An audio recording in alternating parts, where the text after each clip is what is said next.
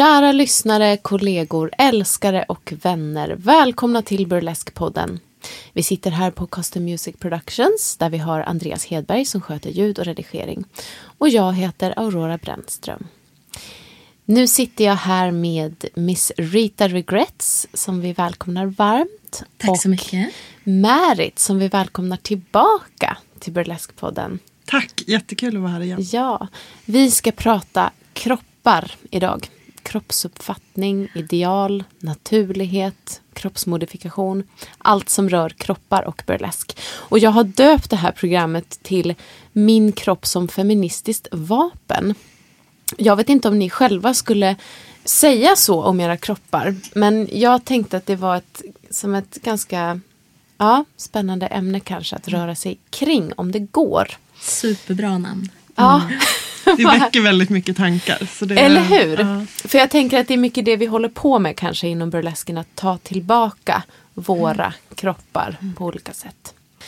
Nu så har vi ju lärt känna dig Märit mm. tidigare och vi kommer att lära känna dig Miss Rita Regrets yeah. senare. Men jag tänkte ändå innan vi sätter igång den här diskussionen om ni vill säga någonting kort om er själva och också vad ni har för relation till er egen kropp idag. Vem vill börja? Mm, jag kan börja. Mm. Jo, men jag heter Märit. Jag håller på med burlesk i tre år snart tror jag. Ganska mm. aktivt. Och är mest känd för mitt mensnummer fortfarande. Just det. Och, där, alltså, och där tar jag ju väldigt uttryckligen upp de här Alltså saker med kroppslighet, kroppsvätskor och det är väldigt, mm. väldigt roligt tycker mm. jag. Att göra någonting med det. Jag är också en del av Trouble Tits. En burlesk trio som betyder väldigt mycket för mig. Mm. Uh, ja. ja. Och vad har du för relation till din kropp idag? Ja, men ganska ofta tycker jag om den. Och jag tror att jag har fått liksom en genom burlesken mycket också en annan känsla för min kropp. Att den blir mer, ja men kanske ett verktyg för att uttrycka någonting på scen. Mm. När jag står på scen då tänker jag absolut inte på hur min kropp ser ut i olika vinklar. Utan det jag tänker på är ju hur, hur jag får fram den story jag vill berätta. Mm. Och om det blir komiskt eller liksom om jag lyckas förmedla den känsla som jag vill. Och det mm. tycker jag har varit väldigt befriande. Sen är jag ju liksom en del av det här samhället och det är klart att man liksom blir så bedömd för sin kropp hela tiden. Och det är, alltså jag skulle ju vara oärlig om jag liksom sa att jag var helt opåverkad av det. Ja. Liksom. Och att det kan ja, men skilja sig olika dagar. Men generellt så tror jag att jag gillar min kropp mest när jag är naken. Mm. Eller typ i underkläder. Mm. Så. Mm. Okay. Ja, och du? Jag, eh, mitt burlesknamn är då Miss Rita Regrets. Och jag är både, både som soloartist och sen så dansar jag med Vaudevillens Burlesque Variety. Mm. Så det är jag och eh, Harley Quinn och eh, Lady Rivet. Mm. Sen så är jag också nakenmodell. Så att jag poserar mycket naken och eh, jag använder absolut kroppen som, eh, som ett vapen. För mig har det varit väldigt mycket, alltså sen jag var tonåring så har jag fått extremt mycket, mycket kommentarer eh, angående eller på min kropp helt enkelt. Och det har fått mig att liksom börja, börja identifiera mig väldigt mycket med min kropp. Alltså jag tror till och med att jag kan komma ihåg liksom när man var sådär typ 11-12 kanske och verkligen började inse så att men gud, den här kroppen som jag har, det här är liksom jag. Det här är det som jag kan, kan använda liksom. Mm. Och det är någonting som verkligen har, har påverkat mig men också påverkat min liksom, karriär både som burleskartist och som, som nakenmodell. Att det är liksom det är någonting som hela, hela tiden är väldigt, väldigt laddat. Och som mm. folk hela tiden läser in. Men för mig är det någonting som jag bara har. Det är också mm. någonting som jag liksom är född med. Jag har inte, vi har inte valt våra kroppar om det inte är mm. så att man har valt att modifiera dem på något sätt. så. Eh, Och det är väldigt, väldigt kopplat till personligheten för mig. Vilket jag tycker är väldigt intressant. Alltså det där är spännande för jag reflekterar över det häromdagen. Att jag har nog alltid sett, varit ganska mycket uppe i mitt eget huvud. Att jag inte har sett mig som en så himla fysisk person. Att jag kanske, alltså från att jag blev medveten om min kropp kanske i så här 9-10 års åldern när det började bli mer laddat liksom. Eh, så har jag på något sätt kanske distanserat mig lite från det. Och varit lite så här, sett mig själv som ganska klumpig, aldrig varit bra på sport. Okej. Eh, och sen så har jag liksom nu se, från sena 20-årsåldern, alltså dels på grund av att jag har börjat dansa ganska mycket och ja, men, träna mer än jag gjorde när jag var yngre liksom, men också burlesken. Att jag har så här, mer och mer landat i att jag har en kropp, att jag tycker om att använda den eh, och att jag också är en väldigt fysisk person. Mm. Eh, och det har varit en ganska, eller det är en ganska härlig process. Mm. Spännande resa tänker Mm. jag. Jag tycker det är så otroligt fascinerande där hur man, hur man tolkar liksom att jaget sitter. Och att det verkligen kan, hos vissa så sitter det bara uppe i skallen hela livet ut liksom. Medans för mig då, jag kommer ihåg det var någon gång när jag var yngre som jag fick en inflammation i knät. Så jag kunde inte gå ordentligt på någon månad. Liksom. Och jag menar det var ju inte världens sak men jag mådde så fruktansvärt dåligt. För, just för att det var liksom min kropp som, som på något sätt svek mig. Eller det Ja. var liksom Ah, Det var helt jätte, jätteknäppt. Ja. Jättekonstigt. Eh, så att jag är så fascinerad av att höra alla olika varianter. Hur man, hur man kan liksom relatera till kroppen. Och sen så också så här, ja men under gymnasiet när jag fick mitt feministiska uppvaknande. Då var ju den feminismen som jag landade i var ju väldigt så här radikal feministisk. Och då var ju allt som hade med så utseende och smink och ta bort kroppshår. Det var jättetabu. Ja. Liksom. Men jag tror att det också på något sätt kanske var bra för mig att så här, testa. att, Jaha, nej okej, jag behöver inte raka mig under armarna. Jag behöver inte sminka mig. Mm. Och ta den vändan. Och sen så nu har jag väl landat lite i hur jag vill uttrycka mig med min kropp. Mm. På det sättet. Liksom. Jag kom på att jag kanske också borde säga någonting. Ja, gud, vi jag vill hemskt gärna vara med i den här diskussionen. ja, jag heter Aurora Brännström som alla vet. Jag har bråkat extremt mycket med min kropp i, i mitt liv. Och jag känner lite som dig där Rita, att jag har varit väldigt mycket kropp. Jag har bantat i omgångar. Jag har bantat så mycket att jag har varit tvungen att ligga på sjukhus. Och jag är fortfarande inte nöjd med min kropp. Eh, men jag skäms inte för den. Och jag tänker inte skämmas för den. för det tycker jag bara är onödigt. Och jag gör ju också en del eh, nakenplåtningar. Jag skulle inte våga kalla mig nakenmodell men jag... Jag skulle kalla dig nakenmodell. Definitivt. Jag har gjort det ganska mycket. Det, det har liksom kommit in lite som ett bananskal det där. Och plötsligt har jag gjort det en hel del. Så ja, kanske det då. Eh, och det har jag absolut inga problem med. Och jag, jag kan, det som är häftigt tycker jag med mig är att jag, jag kan känna mig på ett visst sätt. Lite som du sa där Märit, att jag kan känna mig väldigt klumpig. Och, och jag känner mig stor och, och liksom otymplig och oformlig. Och mycket av de här liksom ätstörda tankarna finns ju kvar i mig. Även fast jag har jobbat bort mycket av det. Och jag svälter inte mig själv idag liksom. Men att när jag tittar på mig själv på bild så kan jag bli väldigt glatt överraskad. Att oj, var det så här jag såg ut? Och då förstår jag varför folk kanske tycker att jag är snygg. Eller så här. För så känner jag inte i mig själv. Men jag tänker också där med så här, nakenplåtningen. Jag, nu har inte jag gjort det, även Nej. om det skulle vara kul kanske eh, i rätt sammanhang. Men att så här, då blir ju ens kropp blir ju kanske ett redskap för att också där uttrycka en idé eller en konstnärlig vision. Och, sådär. och att man då kanske kan få en lite mer chill inställning till, till olika saker. Liksom. Jag har ju stått mycket krokimodell också. Vilket jag tycker har varit terapeutiskt bra. Liksom. Eh, Jag gör ju inte det så mycket nu men jag hoppar ändå in och gör det ibland. Eh, Det är ju ganska krävande att stå still i, i påsar länge och sådär. Man känner hur blodet går ner i, så kroppen går ner i någon slags viloläge. Men det har hjälpt mig faktiskt. Att ja, så titta på vad folk har målat då. Och så ser jag att, jaha, vad spännande. Och det är inte så mycket fokus på liksom, kroppsdelar som jag inte tycker om utan det handlar om rörelse eller något annat. Hörni, eh, jag tänker att vi ska, innan vi liksom, eller ja, jag tycker att vi ska försöka knyta det till burlesken eftersom ni ändå är burleskartister. Och hur ni jobbar med era kroppar som burleskartister. Um, ni har ju nämnt lite grann men, men jag vill gärna höra mer. Ehm, nu tittar jag på dig Märit.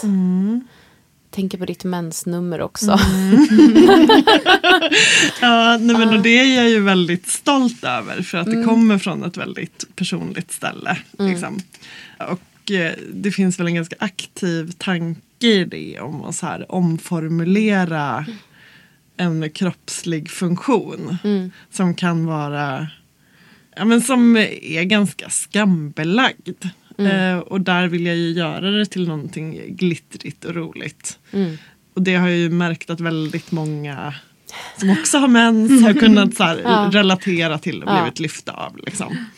Och sen så tänker jag att i min kropp som inte är så här supernormig, liksom, att den kanske är så här lite större än eh, den eh, vanliga modellkroppen. Liksom. Att jag ganska liksom skamlöst tar plats med den på scenen Mm. utan att egentligen göra någon grej, grej av det.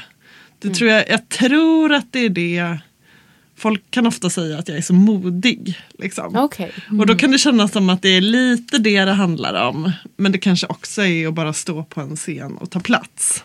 Mm. Och för mig är ju det kanske en av de största grejerna som drar mig till burlesk. Att jag vill så här, kanske ta plats med min kropp på ett annat sätt än vad som är förväntat. Liksom. Det finns otroligt mycket förväntningar på hur kvinnligt kodade kroppar Gud. ska Verkligen. bete sig på scen. Visst. Och där gillar jag ju generellt liksom i mitt uttryck som artist så tycker jag att det är roligt att vara lite för mycket. Mm. Mm. Och liksom ja, men när jag berör saker om sexualitet, liksom att det kan vara lite så här jag gillar att vara nästan på gränsen till det groteska. Okej, Eh, ja. Kanske inte just i mensnumret men eh, mitt dinosaurienummer och också mitt så kallade könshårsnummer. Så, så, så Ja. leker jag ju ganska mycket med det. Ja. ganska... Har, du, har du kvar mycket av din radikalfeministiska sida i det här eller är det något annat som har kommit ut? Nej men idag så ser jag ju mig inte som radikal feminist utan Nej. mer som queer feminist. Och jag Mm. tycker jag kan störa mig ganska mycket på moralismen kring hur en feministiskt korrekt kropp ska vara enligt det synsättet. liksom. Mm. Att det blir en ny slags, slags normativitet. Liksom.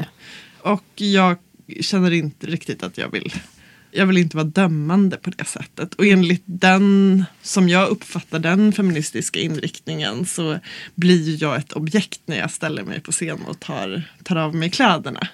Och det skriver jag ju inte under på för fem öre. Att jag skulle på något sätt bli ett objekt för en manlig blick. Jag ser det ju snarare som att jag när jag ställer mig på, på scenen får en möjlighet att styra blickar Verkligen. och bestämma hur min kropp ska uppfattas. Liksom. Mm. Och sen så har jag väl, alltså det enda är väl att jag har insett att mitt min mojo sitter ganska mycket i mitt armhålehår. Okej, Ja, eh, och att det är därför det är så här, jag kan, jag kan raka benen, jag kan raka Ja. mig var som helst på kroppen. Men jag skulle, det skulle kännas jätte, jättekonstigt att och så här, raka bort eh, håret under armarna. okej vad spännande. Eh, för att jag känner att jag får ganska mycket så här, sexighet och kraft därifrån. Det är lite Ja. som Samsons hår. Liksom. ah, Styrkan sitter i Men armhålan. Fantastiskt. men hår under armarna är ju alltså, i, i samhällets ögon ganska provokativt, tänker jag. Hur tänker du kring det? Ja, men, eh, i sådana fall så provocerar jag jättegärna. Ja. Eh, och därför, alltså jag gör ofta och gärna alltså, poser i min burlesk där jag lyfter mina armar och liksom Ja. visar att här är det hår. Liksom. Jag kan tycka det är Ja. jättekul att sätta rosa glitter där för att hylla och framhäva det. Liksom. Det är ju fantastiskt. Eh, och där är jag ju också del av en större rörelse. Liksom. Där, eh, ja, men som kanske inte är så aktuell just nu men det ändå Mm. har funnits sådana Ja, verkligen. eh, hashtags på nätet och sådär. Med att man visar, låter håret växa och visar upp det. Men för mig har det blivit ganska så här djupt rotat i min identitet. Jag minns inte senast min armhåla var helt slät. Och det. Åh, vad härligt att ha Ja. en sån grej Ja. som, som du är stolt över och känner så mycket för. Verkligen. Mm. Gud, vad, jag tycker det är så fascinerande att en sån grej kan vara provokativ i vårt samhälle. Och det är en sån extremt ny företeelse. Det här att, det liksom, att man ska, inom citationstecken, raka armhålen. Det, så har det ju inte sett ut länge. Liksom, och ändå är det så extremt etablerat. Det är helt Nej, men och det- att det det- upprör folk. ja. Liksom. Nej men det är bara några få decennier. Ja. Liksom. Och ändå blir det en norm. Liksom. Ja. Så fort. Ja, visst. Det är skitläskigt. Det är ju det här som är rakat, rakat kön också. Ja. Som ju är liksom, det är ju normen. Jag, eh, apropå att fotas naken, så, så fotade jag med en eh, före detta flickfotograf. Jag vet inte om vi ska nämna honom vid namn, men han har i alla fall fotat för FIB Aktuellt till exempel. På, eh, från 70, 80, 90-talen liksom. Jätteduktig ska jag säga. Men eh, när jag kom och skulle modella för honom så, så gav han mig tusen kronor extra för att jag skulle raka av mitt hår. Jag tog det faktiskt. Men det kändes jättekonstigt. Jag kände mig som ett barn. Mm. Men det är ju så som idealet säger just nu. Att du ska vara rakad. Liksom, på något sätt. Rita, hur, hur använder du din kropp i, in, i din Ja. burlesk? Alltså jag har ju, som sagt, sen jag var, var tonåring så blev jag ständigt påmind om min kropp och hur jag skulle relatera till den. Det var liksom, och det var, jag hade så extremt mycket konflikter i mitt huvud. För jag hade ju också alltså det här att man levde igenom den här feministiska vad ska man säga, förståelsen eller man börjar själv tänka, analysera. Var står jag i det hela? Vilka åsikter har jag? Hur fungerar det med vem jag är? Och jag, det var just då som jag började liksom leka väldigt mycket med klassiska feminina attributer, alltså smink. Och, för det hade jag inte alls hållit på med som barn. Och tyckte att hela den världen var fantastisk. Och sen så får man höra massa kommentarer om... eh, Jag fick, blev kallad Mika med brösten och fick alltså verkligen jätte, jättemycket kommentarer om min kropp. Och både det... Det var så absurt att ha folk som var avundsjuka på mig samtidigt som jag inte fick... Det var fortfarande ingenting som jag fick visa upp. Eller liksom. Nej. Och jag var ju fortfarande... Jag kunde vara stolt över min kropp. Men samtidigt så visste jag att jag skulle skämmas över den. Alltså så här, Jag fick inte klä mig för urringat eller ha för tajta kläder på mig eller så. Eh, så det var verkligen en ekvation som inte gick ihop. Och det var det jag började känna, vad fan, det här är så jävla absurt. Och så var det faktiskt, jag tror att när liksom poletten trillade ner för mig, det var när jag var på en språkresa i England. Och så var det en annan svensk tjej där som hon sa det att nej jag vill bli strippa när jag blir stor. Och jag var så här, va? Vad säger du? Du kan ju inte vilja bli strippa. Liksom. Alltså det, det gick inte in i mitt huvud. Men samtidigt så var det någonting som fastnade i det och jag var lite så här men gud, man kan vilja bli det. Alltså så här, det och även ifall det liksom är en bransch som man ska ifrågasätta så, så var det någonting, någonting i det hon sa som fick mig att börja känna att, men gud, jag kanske kan, det här kanske inte behöver vara någonting som jag hela tiden ska behöva slåss med inombords. Utan jag kan faktiskt använda, jag vet att folk tycker att jag har en liksom kommersiellt gångbar kropp, liksom, eller vad man ska säga. Jag, istället för att hela tiden behöva känna att jag ska dölja och anpassa eller måste välja mellan att vara snygg eller smart. Liksom. Så kanske jag kan försöka utnyttja det och göra det som jag tycker är kul och som jag, som jag gillar att göra med min kropp. Och skita lite i vad folk säger eller vad samhället säger och sådär. Så det var det som jag började, började känna. Och sen så kom jag ju in i hela burleskvärlden och där var det ju också den här grejen att liksom, det var så, mycket, så många människor som stod på scenen och fick ta massa plats. Ja. Och fick göra det och jag såg ju direkt att men gud, det här är på deras villkor. Och det var så extremt eh, frigörande. Så det var på den vägen som jag liksom kände att ja, burlesken är rätt plats för mig att få, få visa min kropp. Och använda min kropp då. Liksom, det är lite som ett så här, ah, ett finger i ansiktet på dem som bara vill liksom Istället för att folk ska kolla på mig och typ tycka, ja jag vet inte. Så, så får jag visa mig för dem och säga så här, nu är jag sexig. Nu bestämmer jag att jag är sexig. Det är Ja. det som är hela skillnaden mellan att stå på en scen och vara sexig eller bli catcallad på gatan. Alltså, Ja. Allting handlar om att jag bestämmer när jag vill att min kropp ska sexualiseras. Ja, vilken spännande, liksom, eller vad, vad dubbelt det måste ha känt för dig, att, känts för dig att, att vara en sån person som folk var avundsjuka på och tyckte Mm. var snygg men du fick inte vara snygg. Eller så här, Det måste ju ha tryckt ner dig, tänker jag. Ja, det var väldigt svårt. Och jag har också en mamma som var liksom väldigt som hon sa då feministisk men det var liksom hon sa att ja, man, man får inte ha stringtrosor och alltså det var så mycket som man inte skulle göra. Ja. Och det blev bara som ett, ett konstigt regelverk och jag fattade ju inte varför.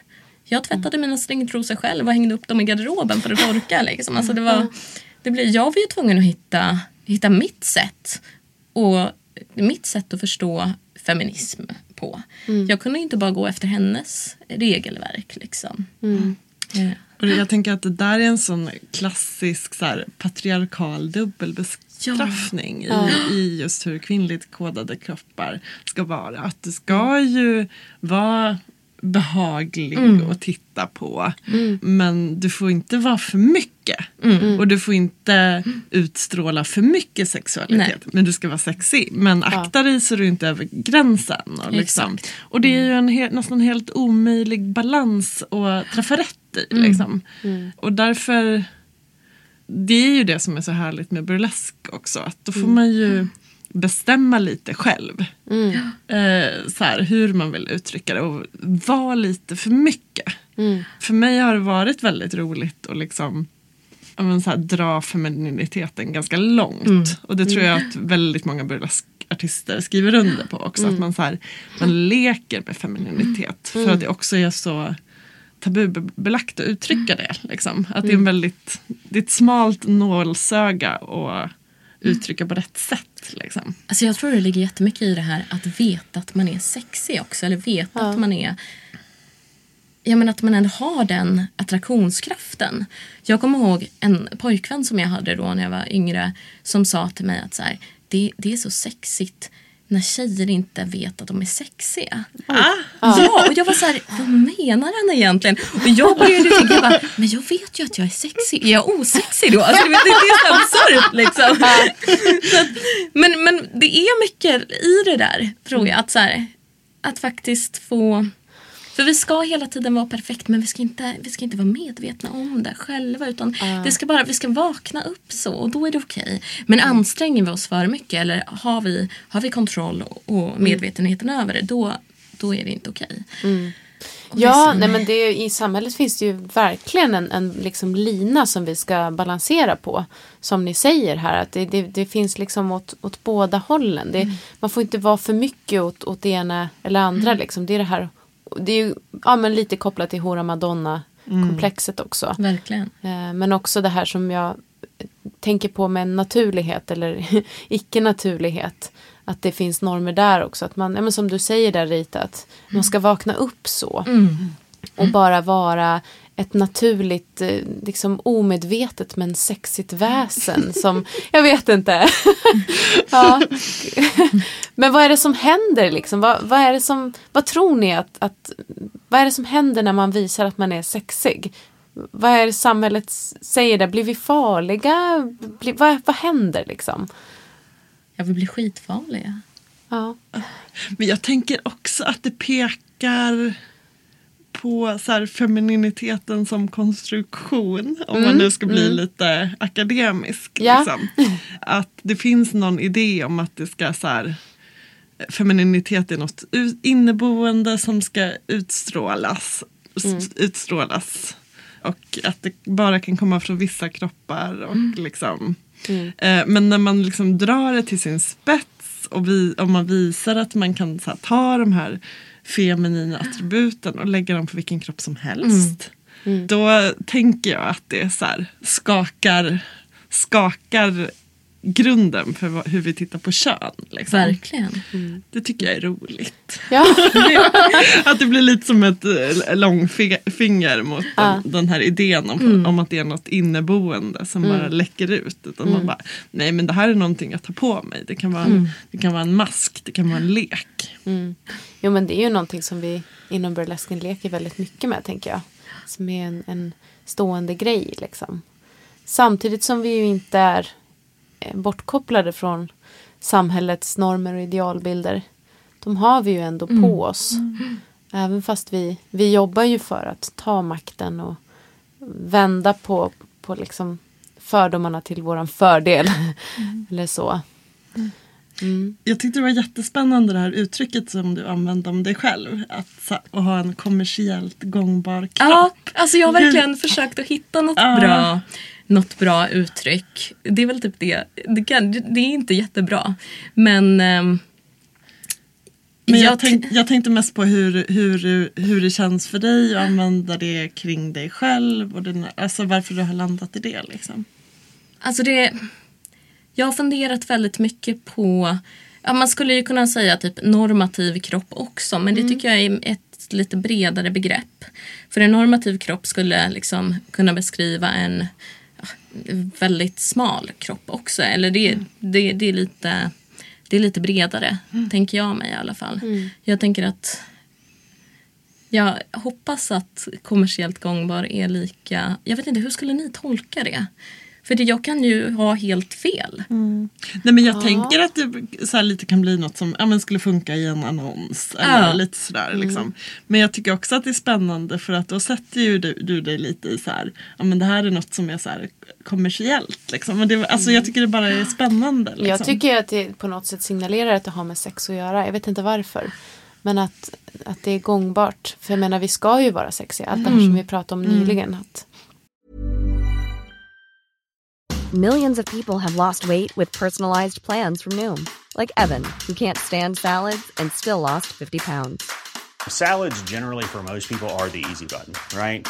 For me, that wasn't an option. I never really was a salad guy. That's just not who I am. But Noom worked for me. Get your personalized plan today at Noom.com. Real Noom user compensated to provide their story. In four weeks, the typical Noom user can expect to lose one to two pounds per week. Individual results may vary. This is Paige, the co-host of Giggly Squad, and I want to tell you about a company that I've been loving, Olive and June. Olive and June gives you everything that you need for a salon quality manicure in one box. And if you break it down, it really comes out to $2 a manicure, which is absolutely insane. It's also so easy to get salon worthy nails at home with Olive and June. The difference between how your nails used to look when you did them yourself and now with the Manny system is a complete game changer. The best thing about Olive and June too is it's a quick dry. Dries in about one minute, lasts for five days, and full coverage in up to one to two coats. Visit oliveandjune.com slash perfectmanny20 for 20% off your first system. That's oliveandjune.com slash perfectmanny20 for 20% off your first system. Say hello to a new era of mental health care. Cerebral is here to help you achieve your mental wellness goals with professional therapy and medication management support. 100% online.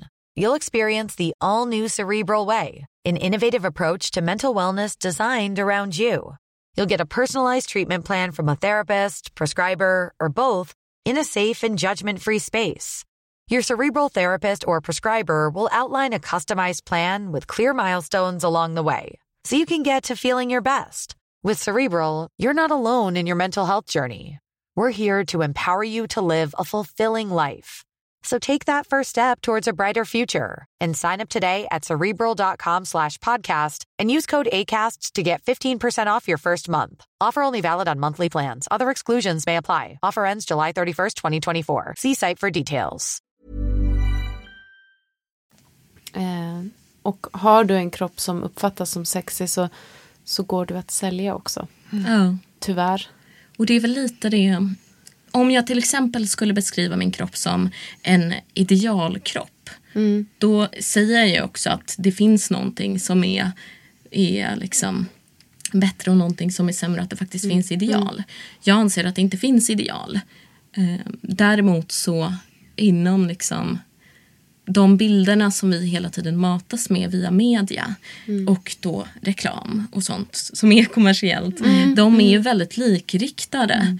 Och det är ju någonting som jag har varit väldigt medveten om. Liksom, och insett att väldigt många andra förhöjer det till något slags ideal.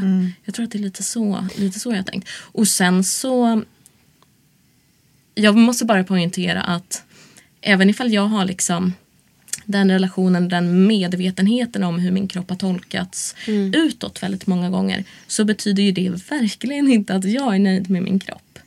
Eh, och det är någonting som har varit, har varit väldigt svårt också. Att, så här, att faktiskt få, få må dåligt över sin kropp när alla andra är, eller när väldigt många andra snarare i ens umgängeskrets hyllar den. Liksom. Det har också varit en svår Gud vad ekvation. jag kan relatera till det där. Nu, nu har ju inte jag några bröst så jag menar jag är ändå liksom ett, ett fel om man säger så. Som jag alltid har klankat ner på liksom. Men jag har ändå känt det där den skammen över att inte tycka om min kropp. För att ändå många men du ska inte skämmas, du ska inte, du, du får inte känna Nej, sådär. precis. Liksom. Man får inte må dåligt över sin kropp utan jag ska vara nöjd och, och jag har liksom kämpat hela mitt liv med att bli nöjd med min kropp. Även fast jag kanske gärna skulle vilja operera vissa saker för att bli nöjd med min kropp på riktigt. Och den där skammen över att inte vara nöjd. Alltså den Mm. tror jag går, går igen. Alltså för att vara en god feminist så ska, får du ju inte vara missnöjd. Liksom. Mm. Nej, och precis. då, och du, det blir nästan lite en så förbjuden, förbjuden tanke. Mm. Eh, och det är väl ganska så här, svårt att Ja men svårt att liksom relatera till. Och det, i grunden handlar det väl så mycket om att vi identifierar oss så superhårt med våra kroppar.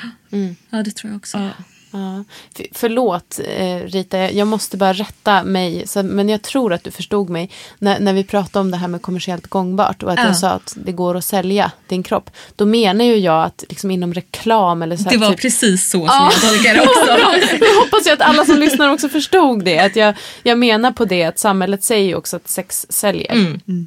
Så om man tänker att du är sexig liksom.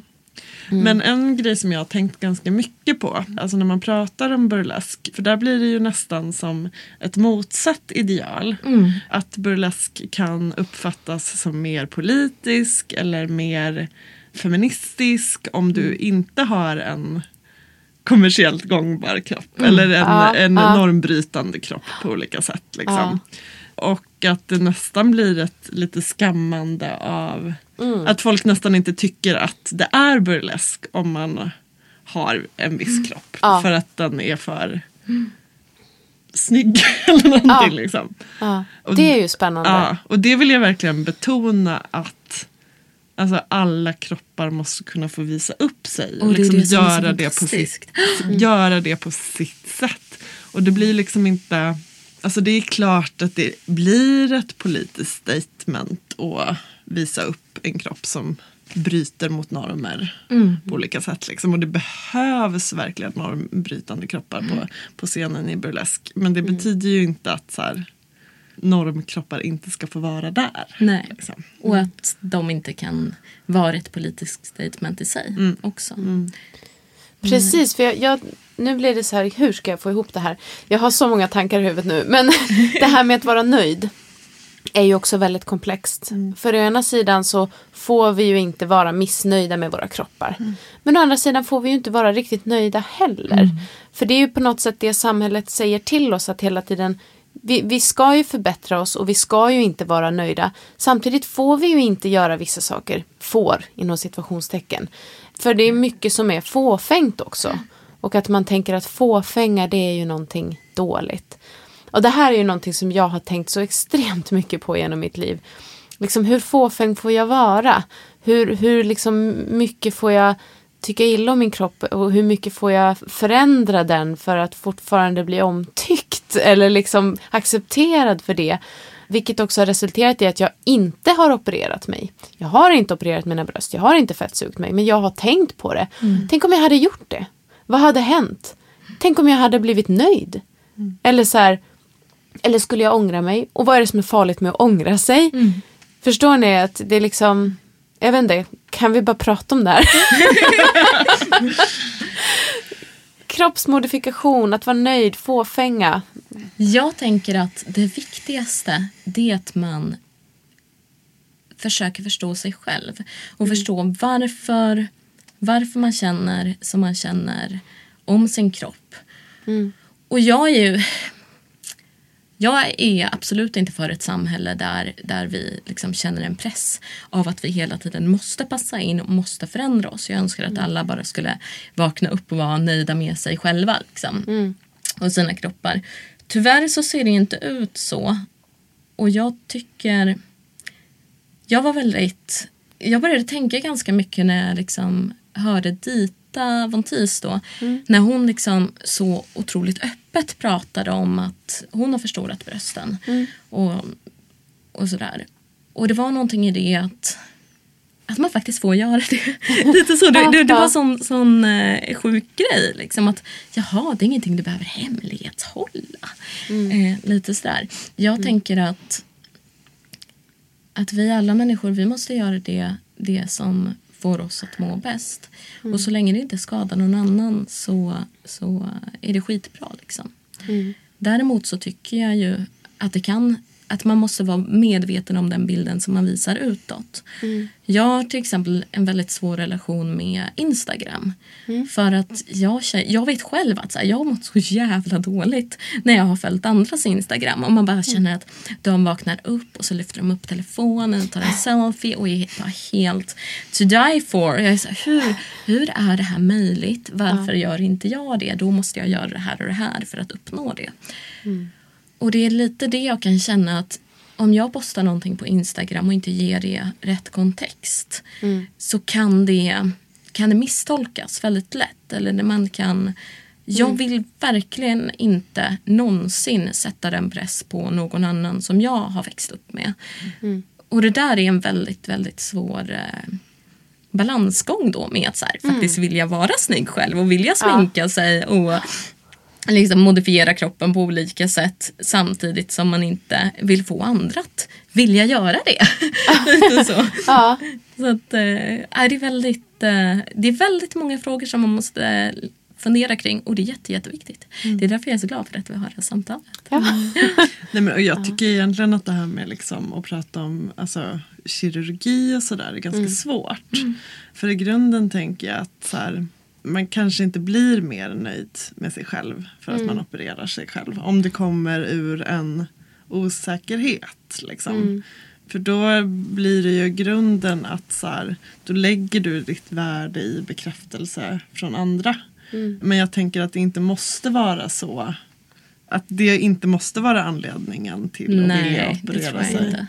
Men, och jag skulle liksom aldrig någonsin döma någon som gör det. Liksom. Men jag tror jag menar, det handlar nog om att, att liksom gå till sig själv och sin motivation för att göra någonting sånt. Liksom. Ja, jag tror att det är det som, som jag tycker är viktigast. Att man vet varför, varför man vill göra, liksom, förändra sin kropp på ett eller annat sätt. Så att man har det klart för sig. Så att man inte liksom bara går till en skönhetsklinik och säger att gör mig vacker. Till exempel. För att det, då vet man inte. Jag menar, alla har ju sina problemområden. Och det kan vara så enkelt att man faktiskt mår bättre utav att påverka dem på ett eller annat sätt. Det är ungefär samma sak som att, att ha tandställning. Liksom. Det är också en typ av kroppsmodifikation. Samma sak med smink även ifall det inte alls är, är lika permanent. Men det finns ju olika grader där då smink till exempel inte alls det finns inga risker eller väldigt, väldigt små risker med smink. Men om man tar kirurgi till exempel så finns det ju faktiskt risker där. Jag har gjort ehm, injektioner. Det börjar egentligen med att jag får botox för migrän. Och till en början var jag lite...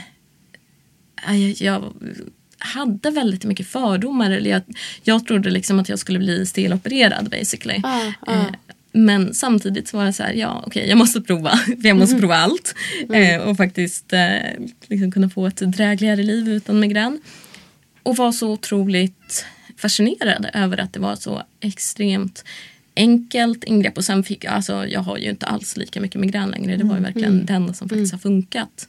Men det leder ju också, jag får ju den biverkningen att min panna blir lite slätare och jag kan inte lyfta mina ögonbryn lika mycket direkt efter jag har fått det. Nej. Vilket är biverkningar som är helt fine för Ja. mig. Liksom. Men efter det så började jag läsa på lite för jag har alltid haft som ett, eh, som ett ganska djupt streck under ögonen. Svårt att beskriva men lite som, alltså inte en en mörk linje helt enkelt där huden har varit extra extra tunn. Och det här har gjort att på fotografier och så, så och i verkligheten också men det ser inte jag på samma sätt men ljuset lägger sig i den skuggan och det har stört mig så fruktansvärt mycket. Och då läste jag på om att man kan fylla ut det med fillers vilket jag sen då gjorde också. Så det jag gjorde var att jag gick på en konsultation och hon som jag gick till hon var så här, nej men jag, jag tycker att du ska tänka på det här. Jag tycker inte att man ser så himla mycket. Liksom. Jag skulle inte tänka på att du ser trött ut om jag såg dig på tunnelbanan. Men jag kände ändå det att men det här är någonting som, som jag tänker på alldeles för ofta. Någonting som verkligen som påverkar mitt välmående. Som påverkar hur jag ser på mig själv. Och hur jag, det här är någonting som jag kan bli deppig över. Varje dag, fast lite grann.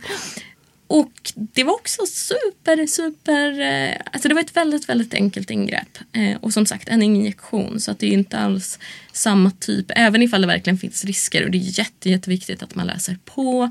Och att man går någonstans där, ah, som, där de faktiskt är välutbildade och det finns recensioner. Och ja, hela köret. Allt sånt där som man tycker borde vara självklart. Men... ehm, jag, jag är jätte, jättenöjd med det. För det är en, Jag visste att det var en specifik sak. Det är det jag tror är det viktiga. Att man liksom, Ja, men det är lite det jag liksom kanske borde förtydliga också med, med hur jag ser på mig själv. Att det, det har ju alltid varit min mage så här, som jag har hatat på. Och det har ju gjort att jag har bantat. Att jag har mått väldigt, väldigt dåligt. Liksom. Och att jag har riskerat min röst eftersom jag inte har fått tillräckligt med näring. Sådana saker. Bara för att jag har varit missnöjd med min mage. Eh, Och även mina bröst. Fast de är jag okej med liksom nu. Men att eh, för mig är det liksom det där, det är verkligen komplexa tankar som jag brottas med fortfarande. Liksom. Jag, jag undrar så här, vad skulle hända om jag bara tog bort lite fett på min mage? Skulle jag må bättre då? Eller, eller är det bra så som jag gör nu, liksom att jag, jag på något sätt, jag provocerar ju mig själv genom att, men, apropå det här med Instagram, att lägga ut bilder där jag är halvnaken eller naken med lite pixlade liksom, för bröstvårtor och sådär. För det, det hjälper mig faktiskt. Det gör det. Att så här, provocera mig själv och, och att det här att jag ser mig själv på ett annat sätt när jag tittar på en bild mot hur jag känner mig. Liksom. Och att jag då kan tycka så här, men fan vad bra Aurora, du, du är inte riktigt nöjd men du gör det här och då blir jag nöjd. Och jag tänker liksom att det är ju den väg jag har valt att gå idag. Eh, och det beror ju också mycket på att det är dyrt med operationer. Men också för att jag kanske inte är helt säker på om jag skulle våga av olika anledningar. Liksom. Jag tror att det är jätteviktigt det där att förstå att man har en ganska snedvriden bild oftast. Alltså så här, Man har en bestämd uppfattning av så här vill jag, det här tycker jag är det optimala.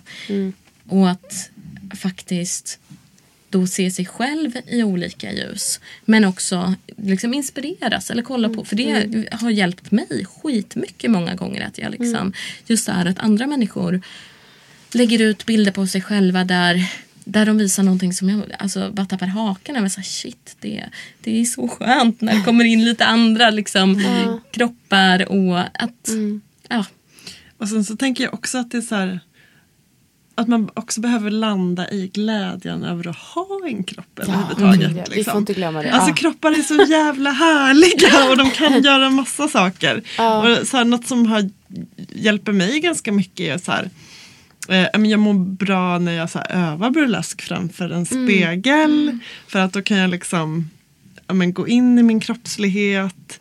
Jag kan så här, ta på mig själv. Alltså klapp. Alltså, Att man så här, kan må Bejaka bra av och så här, eh, vara lite snäll mot sin kropp. Klappa på den. Titta på den i olika vinklar. Jag har så här, börjat älska mina små så här backrolls. Liksom. Jag tycker de är så jävla gulliga. Liksom. och om, om, om jag, så här, men jag tänker på ett photoshoot jag ska göra. Då så här, jag vill verkligen ha med den vinkeln. Liksom, för att jag tycker att det är fint. Och det är väl sånt som man måste liksom gå till sig själv för att, för att hitta. Det där liksom. måste vi öva på tror jag. verkligen. Att, att liksom, det där det är en sån viktig sak du säger nu. Eh, jag, har, jag försöker också tänka på det att så här, fan, jag har fått ett barn. Det har min kropp gjort. Liksom.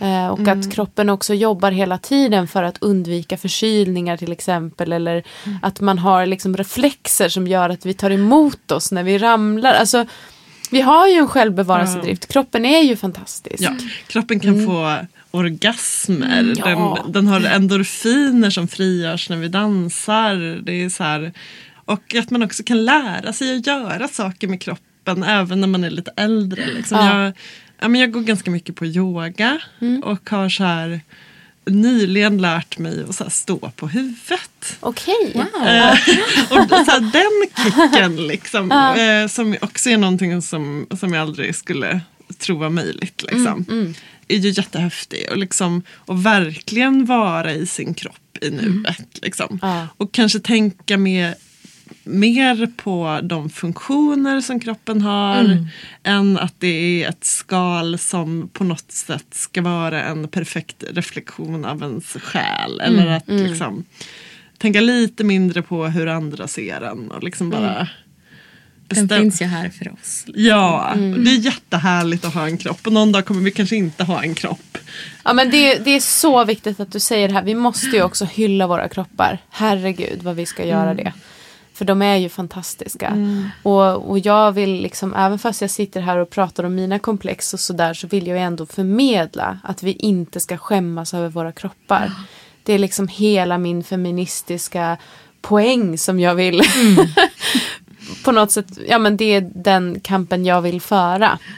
För mig själv och för andra. Så det, det är jättebra att du säger det nu så att vi inte glömmer det. så att det inte bara blir problem liksom. Ja, nej men och det är klart att man får erkänna liksom sina problem och vara, vara lite ärlig kring, kring sin kropp. Liksom. Verkligen. Eh, men jag, jag känner ändå så här ja, men om vi går tillbaka till så här, vad jag har för förhållande till min kropp så känner jag ändå att så här, nu ger den mig mer glädje än bekymmer. Och, det, är- ja, men, och det är på grund av dans och burlesk och att jag försöker att vara lite så här, snäll mot mig själv. Liksom. Jag brukar ofta tänka på det att min kropp är så tålig ändå. Jag kanske inte tror det vissa dagar. Så här, men idag orkar inte jag göra det här. Eller, och sen så orkar den det i alla fall och jag kan må bra liksom. Av att gå mycket eller flänga runt eller simma till exempel. Min kropp är så bra på att simma liksom. Det är ju fantastiskt. och att, ja men det här att man har så mycket energi och, och som du säger det här med endorfiner är ju en häftig grej också. Att eh, när man tror att men nu orkar jag inte mer så, så händer det någonting så får man endorfiner och så, så kommer liksom energin tillbaka och kroppen hjälper en att ja, hantera. Och att huden är ett så härligt organ. Liksom. Alltså, I hur det är liksom en kontakt med omvärlden. Liksom. Du kan känna så här, sol på huden, du kan känna någon annans beröring. Liksom. Och, Kroppens största organ. Precis. Och för att inte tala om sex. Du sa orgasmer. Det kanske inte bara är orgasmer utan det är också huden och beröringen och, och kemi. Som, som liksom, det är ju hjärnan men det är ju ändå någonting som sprids i kroppen när vi tar på varandra. När vi njuter tillsammans med andra. Verkligen. Mm. eller, eller ta på sig själv liksom, på olika Ja. sätt. Liksom. absolut. Jag tänker det här med um, kroppsvätskor. tycker jag är spännande. Men! Ja, precis. Och lubrikation och slem. Och du ser lycklig ut. Ja, men det, jag tänker jag kanske ska utforska fler olika typer av eh, kroppsvätskor. Ja, det behövs. Eh, alltså jag tycker ju svett är jättehärligt. Till exempel. Eh, och det har jag kanske också fått en så här förändrad, förändrat förhållande till så här, i och med dans. Liksom. Men, eh, ja, men där tänker jag att den behöver ju bli mindre tabubelagd överlag. och det är, finns så mycket liksom gött i det som man kan så här, göra konst av. Ja, hur tänker du då? Eh, det finns inga färdiga tankar liksom, men det är ändå så här inspirerande i att fundera över hur man kan plocka in fler kroppsvätskor. i Men är det inte fantastiskt? Är det inte otroligt spännande? Just med svett kom jag på nu. Liksom, att det är på något sätt lite tabubelagt att, att vara svettig. Och så här, ha lite svett under armhålorna eller att det rinner på ryggen. Så här, det, det är inte så fräscht. Eller så, här, det, så kan det uppfattas. Och man kan känna så själv. Men att när det kommer till vissa situationer, till exempel när man har sex med någon. Då är det så jävla härligt att bli svettig. Och det, det kan man gå igång på liksom.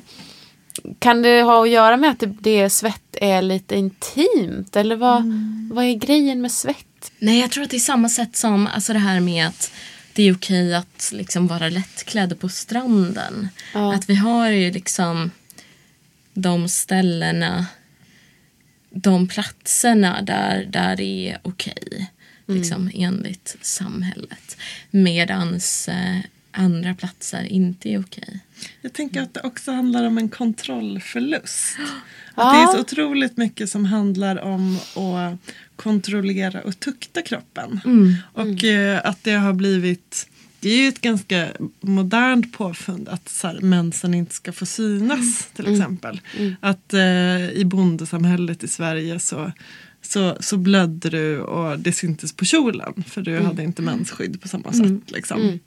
Och att svett också blir liksom att du en process som du inte riktigt kan kontrollera. Eller Just det. tårar som, som kanske också kan vara ett tecken på en så här, Förlorad. förlust av kontroll över den egna kroppen. Mm, mm. Och att det kan vara därför det blir lite... Ja, det. Att vi är väldigt hårda med de grejerna i Ja. vårt samhälle just nu. Verkligen. Ja. Och det här med lubrikation tänker jag också. Mm. Finns ju normer kring det också. Hur våt får du bli? Och när. Och när?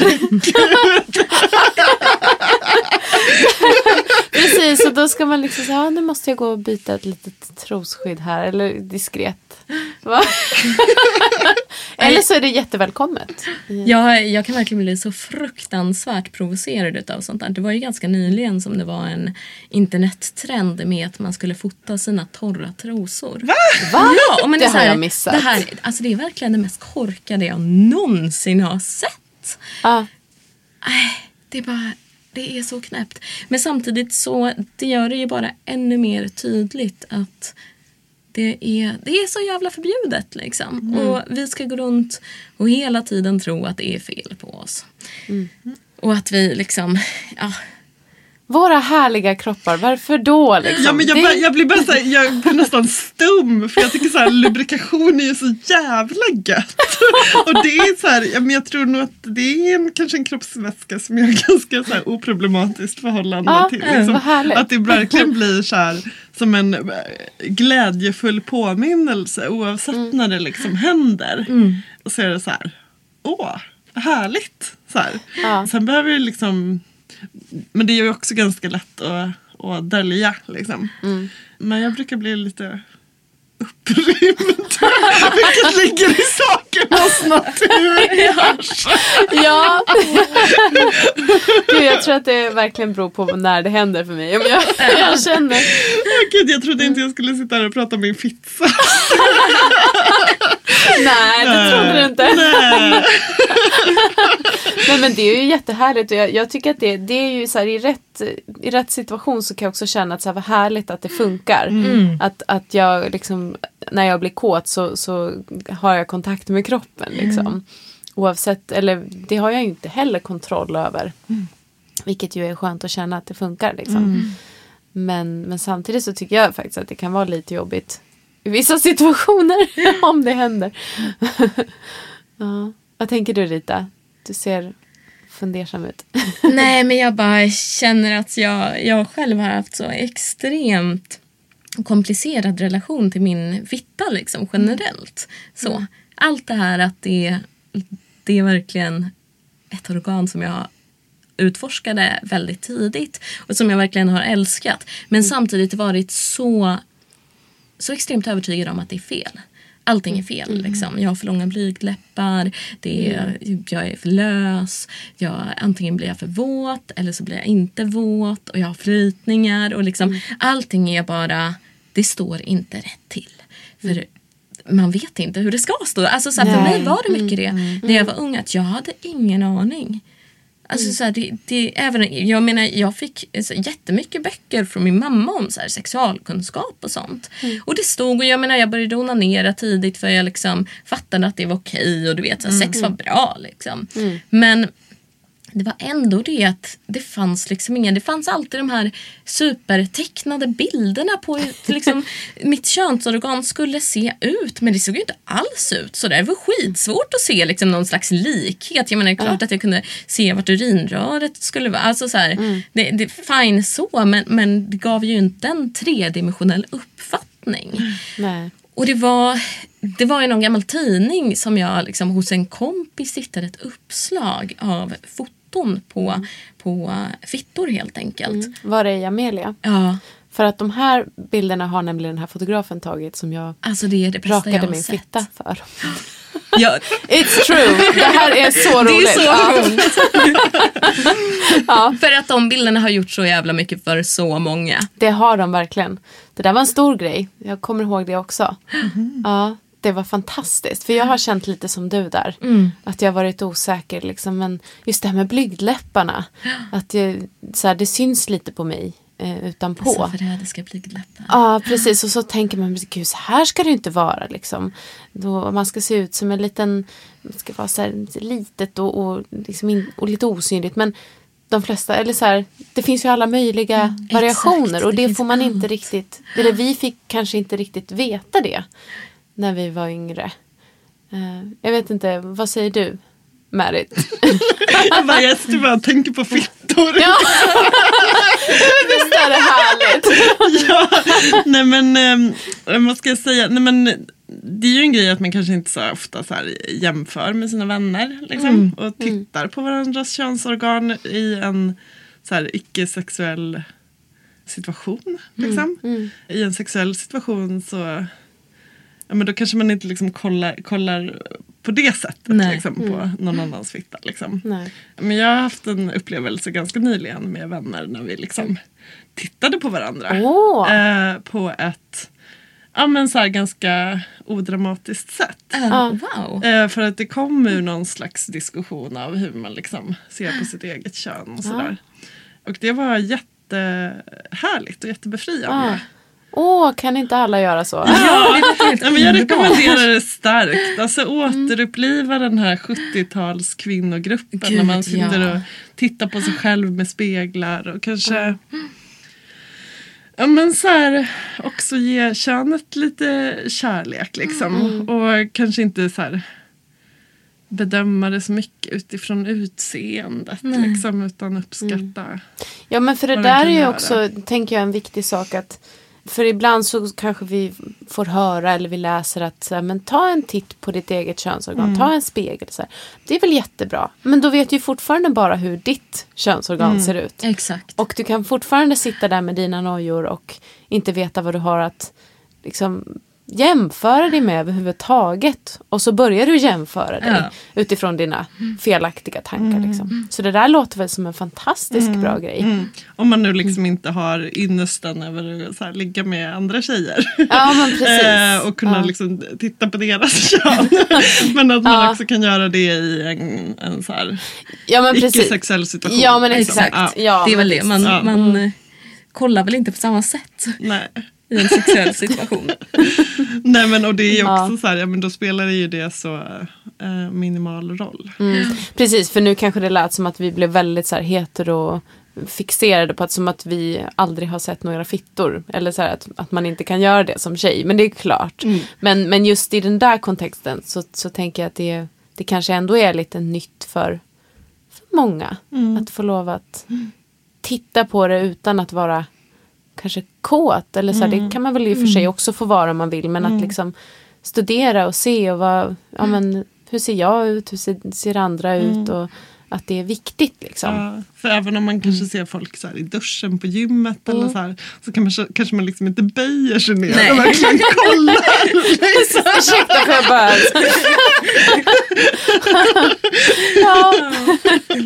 Nej. ja, För att samtycke är viktigt även i en sån precis. Och hörni, nu när vi sitter här och skrattar och snackar fittor och härliga kroppar så börjar tiden rinna iväg. Det har varit fantastiskt roligt att sitta och prata med er. Det skulle man ju kunna fortsätta med. Jag hoppas att ni som lyssnar vill fortsätta prata. Att ni har fått lite uppslag till diskussion, eller hur? Mm. Är det någon slutord, slutplädering ni vill komma med? Fortsätt diskutera, skulle jag säga. Alltså, jag tycker att det är jätteviktigt att även ifall vi har om man då ska prata om burleskscenen i Sverige. Även ifall man liksom säger att ja, men den är så inkluderande och eh, kroppspositiv och hela, hela köret. Så vi måste rannsaka oss själva och analysera och diskutera. Och så här, kom ihåg att det är härligt att ha en kropp. Liksom. så här, grattis, du, du har fått en kropp, den kan göra massa coola grejer. Och hitta liksom ditt sätt att bli kompis med den. Bra slutord. Vi hyllar kropparna. Det gör vi. Och vi tackar härifrån Custom Music Productions för att ni har lyssnat. Så hörs vi igen. Tack och hej då!